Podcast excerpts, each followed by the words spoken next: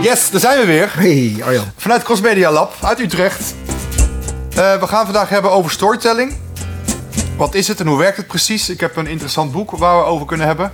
Wat gaan we nog meer doen? Nou ja, uh, eigenlijk uh, storytelling is iets waar we volgens mij uren, dagen, jaren over kunnen praten. En het is zo breed. Dus ik denk, uh, laten we het met storytelling beginnen en kijken waar het verhaal eindigt. Mooi, mooi. Hey, uh, jij hebt in de vakantie nog het boek Power Brands doorgelezen. Ja, toch? Ja, ja, vorige aflevering, ik had het je beloofd. Ik zou Power Brands gaan lezen. Ik zat in een bungalowhuisje. Oh ja, dag twee, mijn telefoon ging stuk. En wat ga je dan doen? Een boek lezen. Um, ik moet zeggen, Power Brands, het, het leest enorm lekker weg. Power Brands gaat over wanneer word je als merk nou een krachtig merk. Een merk waar mensen zich mee willen identificeren, waarmee ze gezien willen worden. Um, dan moet je ervoor zorgen dat je collectief gaat geloven in een merk. Wat, wat is een merk? Het is iets bedacht. Iemand denkt van ik ga een product maken, ik koppel daar een naam aan en het bestaat. Ja. Maar je, je ziet het niet. Je, Nee. je ziet een logo, je ziet een naam. Ehm, en hoe zorg je nou dat je collectief gaat geloven in een merk?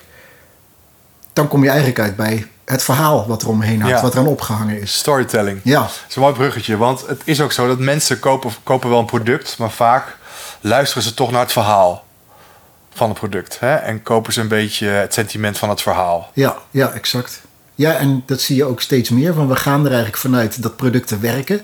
Ehm, dat de producten het doen, dat ze goed zijn. Als ze dat niet waren, dan, dan besta je als bedrijf binnen no time niet meer. Dus, dus eigenlijk gaan we ervan uit dat alles gewoon goed is. Maar Ja. wanneer wil je nou een bepaald merk hebben? Wanneer wil je kleding kopen met dat merk? Nou ja, mooi voorbeeld vind ik Nike. Eh, ik zeg altijd, Nike verkoopt geen sportkleding, maar Nike verkoopt gewoon een verhaal. Eh, ze, ze, ze verkopen als het ware, jij bent de topsporter. Ja, Jij hoort bij ons. Hè, we zijn samen zijn we die topsporters.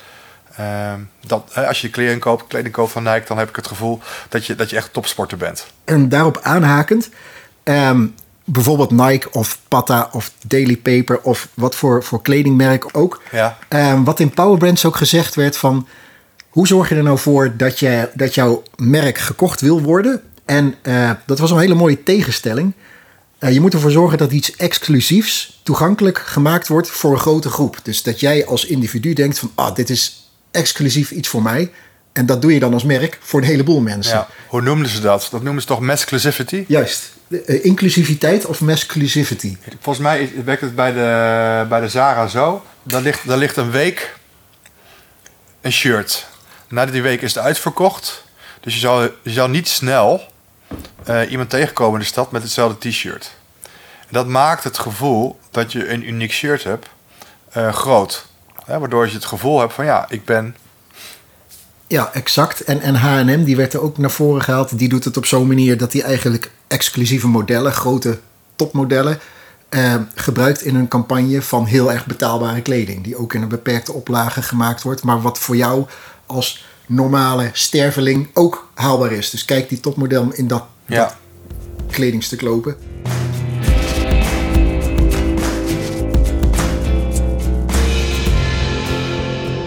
Mooi voorbeeld van storytelling vind ik natuurlijk eh, Walt Disney, die Amerikaanse filmproducent. Volgens mij begreep hij het als geen ander. Ik heb toevallig eh, de, de, de Disney-abonnement afgesloten en ik keek daar eens rond. Sneeuwwitje, Assenpoester, Doornroosje, Pinocchio. Noem ze maar op, Lion King. Het zijn allemaal verhalen uit de koken van Walt die je nooit meer vergeet. Hoe zij een, een verhaal opzetten, hè, dat, zo onthouden wij dat gewoon. Ja. Wij als mensen zijn gewoon, eh, wij onthouden makkelijk verhalen. En nou ja, het is natuurlijk al een enorm oud eh, fenomeen, verhalen vertellen. Maar ik, ik merk dat Walt Disney dat echt supergoed kan. Ja, ja en wij, wij zijn ook gevoelig voor verhalen als mensen. En, en eh, in tegenstelling tot honden, die zijn niet zo geïnteresseerd in verhalen. Die willen gewoon eten en blaffen. Ja. En, en, en wat, wat goed is om te... Dus de, verhalen be- bestaat al eeuwenlang. En Ja. dat was de manier om kennis over te dragen. Om te weten hoe je je moet gedragen, hoe je moet overleven, hoe dingen werken. En, en ehm, ja, onze hersenen zijn op zo'n manier gevormd dat, dat, dat verhalen vertellen, dat dat nog steeds iets is wat tot de verbeelding spreekt Ja. en wat, wat kennis bij ons oproept. Ja, 2000 jaar geleden was dat belangrijk om de grote kans van overleven tot stand te brengen. Ja, Hè, en de enige manier van... Ja, precies. Door, door verhalen elke, elke generatie door te vertellen, Ja. zo kan je dat doen. Ja. Ja, daar komt het wellicht vandaan. Ehm, Marvel en DC zijn natuurlijk onderdelen. Marvel is natuurlijk onderdeel van Disney. Dat zijn een beetje de, de verhalenvertellers momenteel, heb ik het idee. Ehm, maar de verhalen zijn vaak opgebouwd aan de hand van een model. Ja. Daar weet jij meer van. Nou, er zijn een hoop modellen en een hoop theorieën. Wat Pixar veel gebruikt is de story spine. Eigenlijk een structuur om een verhaal op te bouwen waarbij jij als kijker meegenomen wordt. Dus wanneer heb je nou sympathie voor een karakter? Wanneer wil je weten hoe het verhaal afloopt in plaats van ik begin een verhaal te vertellen en ik wacht alleen maar tot je klaar bent. Nee, Ja. ik wil aan je lippen hangen. Ik wil weten hoe het verder gaat. Oké, hoe loopt het af? Ehm, daar is dus een, een theorie voor, een, een, een handleiding voor en die heet de story spine. En eigenlijk is die gebaseerd op de sprookjes van Sneeuwwitje en, en eh, dat soort eh, voorbeelden. Dus het begint met, met, een- met een begin. En once upon a time, er was eens, er was een persoon en die had een leven. En dat leven kan je je voorstellen. Die, elke dag deed hij hetzelfde en die had een bepaald ritme. Zodat je weet, over wie hebben we het, waar bevindt hij zich. Daar ga je je mee identificeren. Ja, en je weet, ja, je weet over wat voor persoon we het hebben. En op een gegeven moment is er een event. But one day, eh, eh, dat, dat, dat ritme, zijn, zijn dagelijkse routine. Wally, die elke dag eh, zijn, zijn afval verzamelt. Op een dag gebeurt er iets waardoor dat, dat die routine doorbroken wordt. En hij is van slag. En, en oké, wat gebeurt er? Directive. Classified. Name.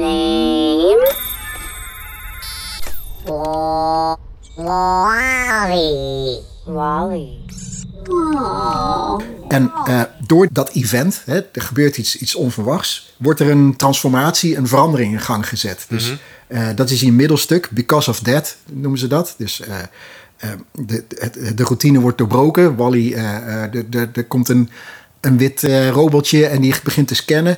En because of that gaat Wally nadenken, oké, wat, wat, wat is er? Betekent dit dus dat, dat alle films eigenlijk aan, een, aan de hand van een soort model ehm, zijn vormgegeven, zijn ontwikkeld? Nou, als je het model ziet, dan herken je ze in één keer terug in een heel hoop films. Dus Ja, het, is- het is niet je- de manier, maar het is een manier. Je hebt het because of that, eh, dat middelstuk. eh, daardoor verandert er iets, daardoor verandert er iets en daardoor verandert er iets. Totdat uiteindelijk, en dan kom je bij de climax uit. Dus eigenlijk je moraal van het verhaal. Eh, je, de hoofdpersoon die heeft zijn routine doorbroken, heeft een ontwikkeling doorgemaakt, heeft iets overwonnen. En dan, eh, sindsdien, ziet zijn leven er niet meer uit zoals het eruit zag, maar ziet zijn leven er zo uit. En dat is dan je ending. En, en eh, zo bouw je eigenlijk een verhaal op. En veel Pixar en Disney films eh, kan je eigenlijk langs dat model leggen. Ja. Als je dat model voor je hebt, dan kan je, bijna, kan je het bijna zien in de films die je bekijkt. Ja, Toy en- Story of... eh, hè? Ja, en, en het knappe is, je herkent het model, maar je eh, denkt niet van, oh, dat is een trucje en zo doen ze het. Want juist door dat karakter verrassend te pakken of verrassende eigenschappen, en daar kan je zo oneindig mee spelen, dat, Ja. dat, het, dat het niet een geëikt iets is. Oké. This is the way things are. You can't change nature. Change is nature, Dad. The part that we can influence. And it starts when we decide. Where are you going? With luck, forward. Dit is natuurlijk eigenlijk een beetje storytelling vanuit Disney. Vanuit sprookjes, films. Eh, storytelling wordt ook veel gebruikt in de reclamewereld. Sterker nog, ik zie het eigenlijk heel veel om me heen. Steeds meer om me heen. En dat komt volgens mij omdat eh, de geloofwaardigheid van de reclame wat probleem heeft opgelopen. Ken jij Telcel nog? Ja, ja, zeker. In mijn tijd zag ik wel eens een reclame voorbij komen van Telcel. Ja, als ik daar te lang naar keek, had ik echt het gevoel dat ik dat nodig had. Dat ik het wilde kopen. Ja. En, en wat blijkt, na, na een week als ik het thuis had, heb ik het twee keer gebruikt.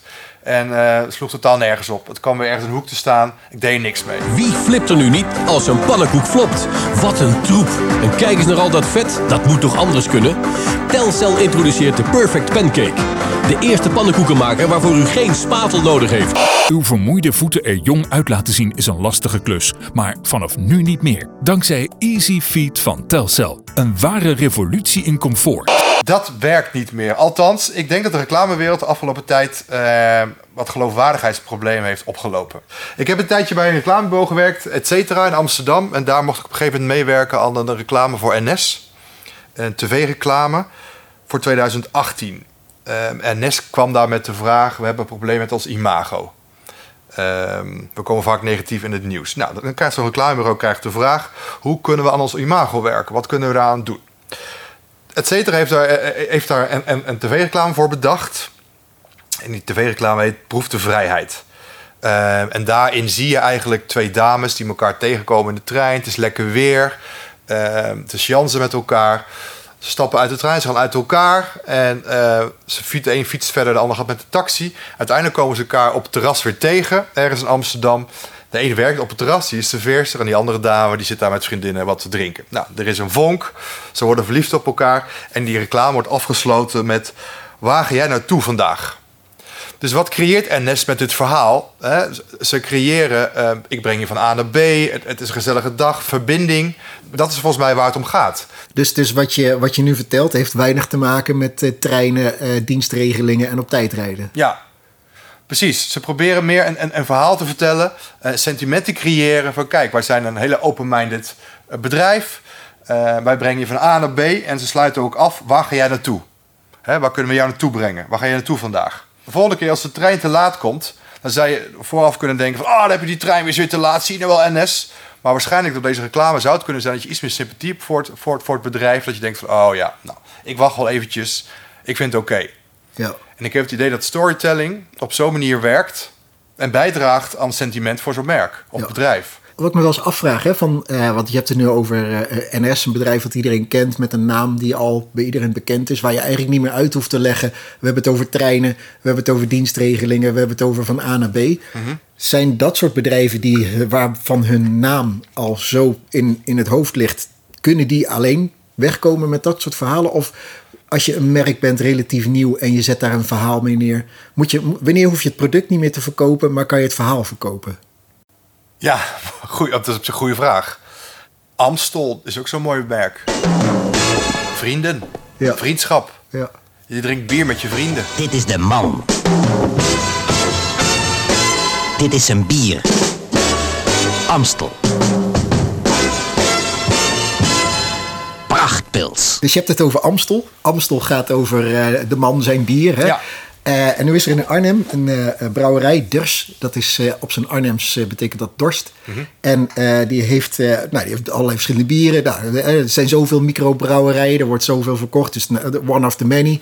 Het komt dan uit Arnhem, dus wel een soort van unique selling point. Maar nu hadden zij ehm, de dikke prins, hoe heet de voetballer ook alweer? Theo, Theo Jansen. Theo Jansen. Ja, Theo Jansen. En nu hadden ze een bier, die heet De Dikke Prins. Eh, en dat ging over Theo Jansen. Hebben ze een kort filmpje opgenomen voor eh, social media. Ja. Waarbij Theo Jansen aankomt lopen, doet zijn armen over elkaar en zegt... Hey dus, op zijn Arnhems heb je dorst. Hey, dus? Dus, de stadsbrouwerij van Arnhem. In heel Arnhem het bier niet meer te verkrijgen. Alle staan, liggen nog in de schappen. Maar de Dikke Prins niet meer. Kan gewoon niet meer krijgen. En, en waarom? waarom? Eh, Niemand heeft dat bier geproefd. Het is niet uitzonderlijk lekker. Dus dan zie je hoe een verhaal, een, een gevoel, eh, een wij creëren. Van Ja. oké, wij Arnhem en eh, Ja. onze Theo. Ja. Hoe dat jouw eh, bier in één keer uniek kan maken en eh, kan verkopen. Ja, leuk. Ja, zo werkt het blijkbaar. Een nieuw boek, wat leuk. Hey, en, en Arjan, je, je hebt een, eh, een nieuw boek op je bureau liggen. Ja, True Storytelling. Ja, is een leuk boek. Geloofwaardigheid als marketing tool. Ik heb het al een tijdje geleden doorgelezen. En ik vind het net zo fijn eh, boek als Power Brands. Ik kan hem enorm aanraden. En wat ik daarin lees... eh, er is onderzoek gedaan naar, naar eh, dat er in marketingafdelingen bij, bij bureaus wordt er veel gekeken naar dat de klant centraal staat. En ik wil daar iets over zeggen, omdat ik merk dat er een verschuiving plaatsvindt van UI, van user interface naar UX user experience, dus de gebruikservaring daarvan. Hè? En UI en UX zijn termen die vooral voortkomen in app design en webdesign. Eh, en dan bedoel je met de UI, de user interface, met hoe iets eruit ziet. hoe iets eruit ziet. Ja. En UX, hoe je het gebruikt. Ja. Ja. En een mooi voorbeeld vind ik altijd een ketchupfles in de jaren 1900 is een mooie glazen fles. Qua design ziet het super vet uit, een mooie dop zit erop. Nou, het ging heel erg over de user interface. Hoe zag het eruit? Wat verkoopt? En als je nu in de schappen kijkt, dan zie je een ketchupfles op zijn kop staan. Eh, de ketchup druipt naar beneden. En dat is veel meer gericht op UX. Dus de, de gebruikerservaring. Hoe kan ik er iets maken dat goed werkt voor de klant. Dat hij alle ketchup eruit krijgt. Hoe, hoe zorgen we ervoor dat, dat, die klanten ambassadeurs worden? En zeggen tegen de, tegen de buurman...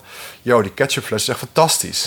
Ik krijg de allerlaatste ketchup krijg ik eruit. Ja. En zo, zo werkt dat. Het mooiste wat er is als je inderdaad van je klanten ambassadeur kan maken. Oké, Arjan, dus in het boek gaat het over UI, UX. eh, En, en in hoeverre is dat voor, voor ons crossmedia een, een leuk boek, een interessant boek? Zeker. Ik denk, kijk, we werken natuurlijk heel veel aan projecten. We gaan nu ook weer een project voor Nike starten. Dan ga je een voetbalschoen verkopen. Dan ga je een verhaal vertellen. Ik vind Nike een mooi voorbeeld van oprecht verhalen vertellen. En, en dat voelt ook zo. Dus ja, eh, storytelling is iets wat, wat, wat heel veel voorkomt in, eh, in ons vak. Ja. En, en eh, om weer terug te komen op dat Telcel-verhaal van eh 20 jaar geleden, 15 jaar geleden, waarbij eigenlijk alleen werd gezegd: dit product is fantastisch, dit product is goed, waar het verhaal mist. En op een gegeven moment ook de geloofwaardigheid vanaf ging. Ja, Eh, zijn we nu meer op zoek naar authenticiteit, geloofwaardigheid? blijkbaar. Want Telcel loopt niet meer zo goed. Dus met die leugens kom je niet meer weg. Nee. Wat, wat je nu ook al hoort, is dat dat belang van storytelling, het belang van verhalen vertellen ten opzichte van zeggen dat een product goed is. Eerder kon je gewoon zendtijd kopen en dan claimde je kijkers door in een tijdsblok tijd op te kopen en dan te zeggen: dit is goed, dit is goed, dit is goed, dit is goed. Maar nu moet jij de kijker zien te vangen, omdat er zo'n lood aan, aan informatie, content, beeld is dat je op moet vallen. En hoe val je, val je op?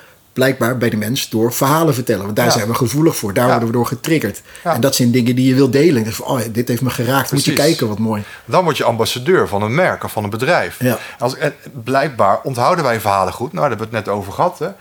Ehm, dat is iets wat, wat, wat, ons, wat ons verder heeft gebracht als mensheid. Dus dat blijven we doen. Dus Ja. als ik ergens van overtuigd ben dat het goed werkt... dan ga ik dat vertellen aan mijn buurman of iedereen die het wil horen. Ja. En zo gaat zo'n merk leven. Ja, een mooi voorbeeld. Ik had eh, twee weken terug kreeg eh, de vraag van eh, eh, waar, waar jouw student, waar kijkt hij naar en waar wordt hij door getriggerd? Wanneer blijft hij ergens, heeft hij interesse? Dus ik had die vraag bij mij in de klas gesteld, een korte enquête met een aantal vragen. En eh, wat, wel, wat wel leuk was, dat eigenlijk bijna nagenoeg unaniem werd gezegd, het moet geloofwaardig zijn, niet nep. Niet te gelikt. Eigenlijk zijn wij als makers altijd. eh, eh, heb je de neiging om dingen zo mooi mogelijk te maken. Maar dat gaat weer ten koste van de geloofwaardigheid. Dus de, de manier waarop jij iets filmt. of de manier waarop je iets in beeld brengt. doet ook iets met de geloofwaardigheid. Is dit geposeerd of is dit een echte emotie? En dat je eigenlijk merkt, denk ik. als we die conclusie nu al kunnen trekken. dat we steeds eh, gevoeliger worden. of steeds scherper worden op wanneer iets echt is en wanneer iets nep is. En dat is best een uitdaging voor een merk om een verhaal te vertellen. Dat wat je vertelt, dat het ook geloofd wordt. Ja.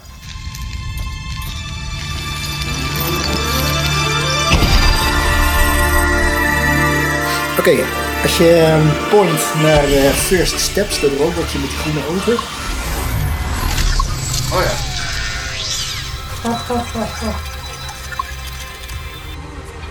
Arjan die test nu de Oculus Quest 2. Zit nu in een eh, virtuele. Wat is het? Moeras. Dat meen je niet. dat is echt sick. Het ziet er natuurlijk echt belachelijk uit, dit, joh. Arjan danst momenteel met een robot, hand in hand. Zo, het is echt sick shit, hé. Ja. Tering. Oké, hoe was je eerste indruk met de Oculus Quest 2 op je hoofd? Ja, fantastisch. Het was echt de eerste keer dat ik, eh, dat ik dit heb gezien. Het is echt, eh, eh, echt fantastisch, ja. Want het lijkt zo echt. Ik denk dat het ook zeer beangstigend kan zijn. Ja. Want ik zag ook een eentje staan, Anne Frank. Ja, ik weet niet wat dat was, maar... Ja, dan loop je eigenlijk door Anne Franks huis. Oh ja. Dan kan je doorheen bewegen. Oh en ja. dan hoor je ook de geluiden van, van de dreiging, voetstappen boven ja. de vloer. Oh En, man, dat zou echt, dat is echt... Ik kan me voorstellen dat het heel angstaanjagend werkt. ja, ja mijn, mijn dochter deed hem gillend af. Bij, eh, Echt? Ja. Zo, dat zal wel, ja. Bizar, joh. Ik heb het gevoel dat het nu nog een beetje in de, in de, in de, in de fase zit nice to have. En dat is het ook echt. Eh, maar nu het zo toegankelijk wordt voor een grotere groep... Ja. kan het snel vlucht nemen naar mensen die, die content gaan maken. Ja, precies. En dat, dat is ook het ding, hè? Van als, het, als eh, de drempel laag is om eh, hem aan te schaffen, dan is de aantrekkingskracht om de content voor te maken groter. Komt er meer content, wordt de aantrekkingskracht om zo'n ding aan te schaffen groter. En dat versterkt elkaar. En dan, ja, voor je het weet, eh, heb je hem. Leuk. Ik zou hem zeker een keer gaan proberen.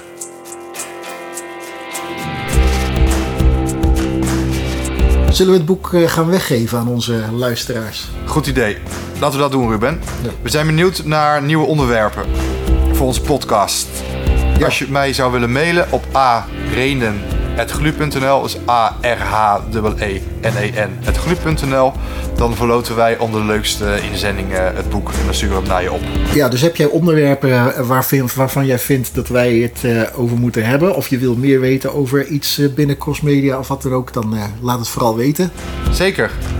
Dit was hem weer. Tot de volgende keer. Bedankt. Crosstalks es parte de la formación Crossmedia en el Graphic Lyceum Utrecht.